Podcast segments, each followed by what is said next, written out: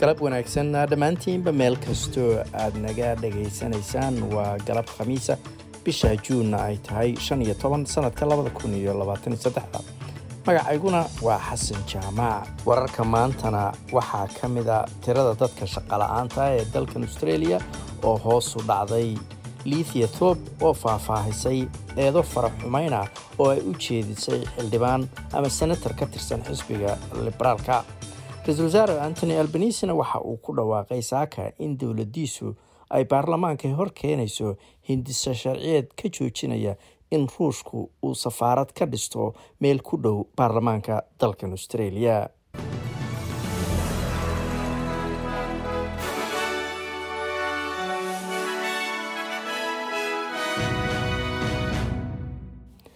tirada dadka shaqala-aanta ee australia ayaa hoos u dhacay iyadoo hadda tiradaasi ay gaartay saddex dhibic lix boqolkiiba taasoo ka yaabisay quburada dhaqaalayahanada ah.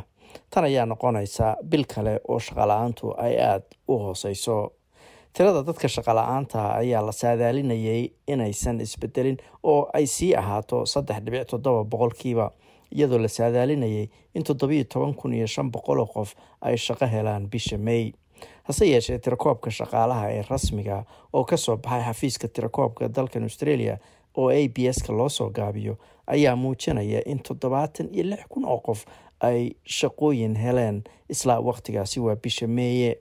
Madaxa xafiiska tirakoobka dalkan australia bion javes ayaa sheegay in shaqooyinkaas dheeraadka ka sokow in tirada dadka shaqala-aanta ee australia ay toddobiyo iyo toban kun yaraadeen taasoo la mid ah eber dhibic hal hoos u dhac ku yimid dadka shaqala-aanta ah. Tirada dadka shaqeeya ee dalkan australia ayaa gaaray baa layidhi afar iyo toban milyan oo qof taasoo ah markii ugu horreysay oo tiro intaas leeg oo qof ay shaqeeyaan. Lidia thorp ayaa faahfaahisay eedo faraxumeyn iyo dhibaato ay sheegtay in loogu geystay aqalka baarlamaanka dhexdiisa.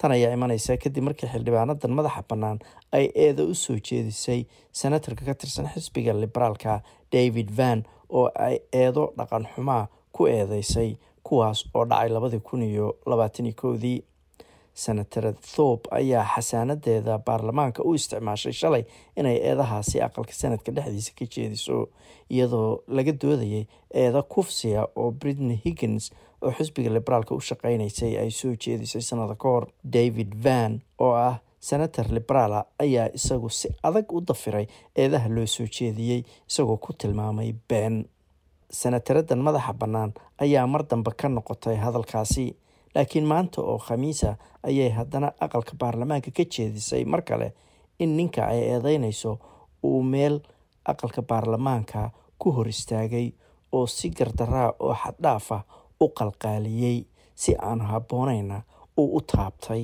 Waxay sheegtay in ra'iisul wasaarihii wakhtigaas uu ka ballan qaaday inuu arrintaasi ama eedahaasi la socdo.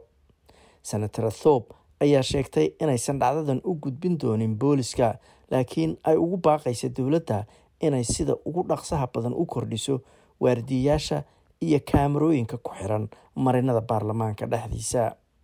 Senator van ayaa galabta oo khamiisa laga joojiyay inuu ka qayb qaato shirarka iyo kulamada xisbiga liberaalka. Ra'iisul wasaare antony albanisi ayaa ku dhawaaqay saaka in dowladdiisu ay baarlamaanka hor keenayso hindisa sharciyeed joojinaya iskuday ruushku uu isku dayayo inuu safaarad kaga dhisto meel ku dhow baarlamaanka. Dowladda ruushka ayaa intii muddaha isku dayeysay inay safaarad ka dhisato meel ku dhegan baarlamaanka. Iskudaygaas oo dowladda a c t ay isku dayeysay inay joojiso laakiin ay ku guuldaraysatay amar ay dowladda a c t dooneysay inay uga saarto safaaradda ruushka meeshaasi ayay maxkamad federaal ahi waxba kama jiraan ka dhigtay. Master albanisi ayaase sheegay in sharcigan cusub uu gebi ahaanba kansalayo qandaraaskii kiraynta ee safaaradda ruushka lagaga kireeyay dhulkaasi baarlamaanka ku dhegan. Sharcigan ayaa labada aqalba lagu ansixiyey muddo saacad ka yar iyadoo labada dhinac ee siyaasaddu ay taageerayeen.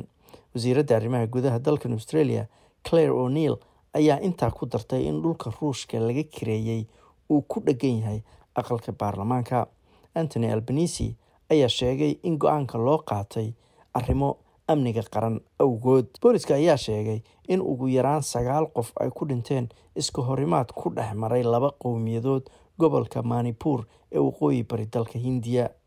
Rabshada u dhexeeya qowmiyadda kuku oo intooda badan ah dad degan dhulka buuraleyda iyo qowmiyadda matias oo ah qowmiyad dhulka hoose degan ayaa dagaalku uu ka dhex dilaacay bishii may saddexdeedii. Xogayaha guud ee xulafada nato jens stoltenberg ayaa taageero dheeraada uga codsanaya xulafadan inay siiyaan dalka ukraine. Maer stoltenberg ayaa hadalkan jeediyey ka hor shir laba maalmood uga socon doona brussels wasiirada gaashaandhigga ee nato. Shirkan ayaa noqonaya kii u dambeeyey ka hor shirka sanadlaha ee nato ay ku yeelan doonto lithuania bisha soo socota. Waxa uu sheegay inay aada deg deg u tahay in la ogaado sida uu u socdo weerar celiska ukraine ay ku qaaday ruushka. Saadaasha hawada berita oo jimco ah magaalada melbourne waa inta badan waa cadceed iyo toddobiyo toban digrii sydneyna waa cadceed iyo sagaaliyo toban digrii halka australian dollar maanta waxaa lagu sarifayay lixdan iyo sideed senti oo lacagta mareykanka ah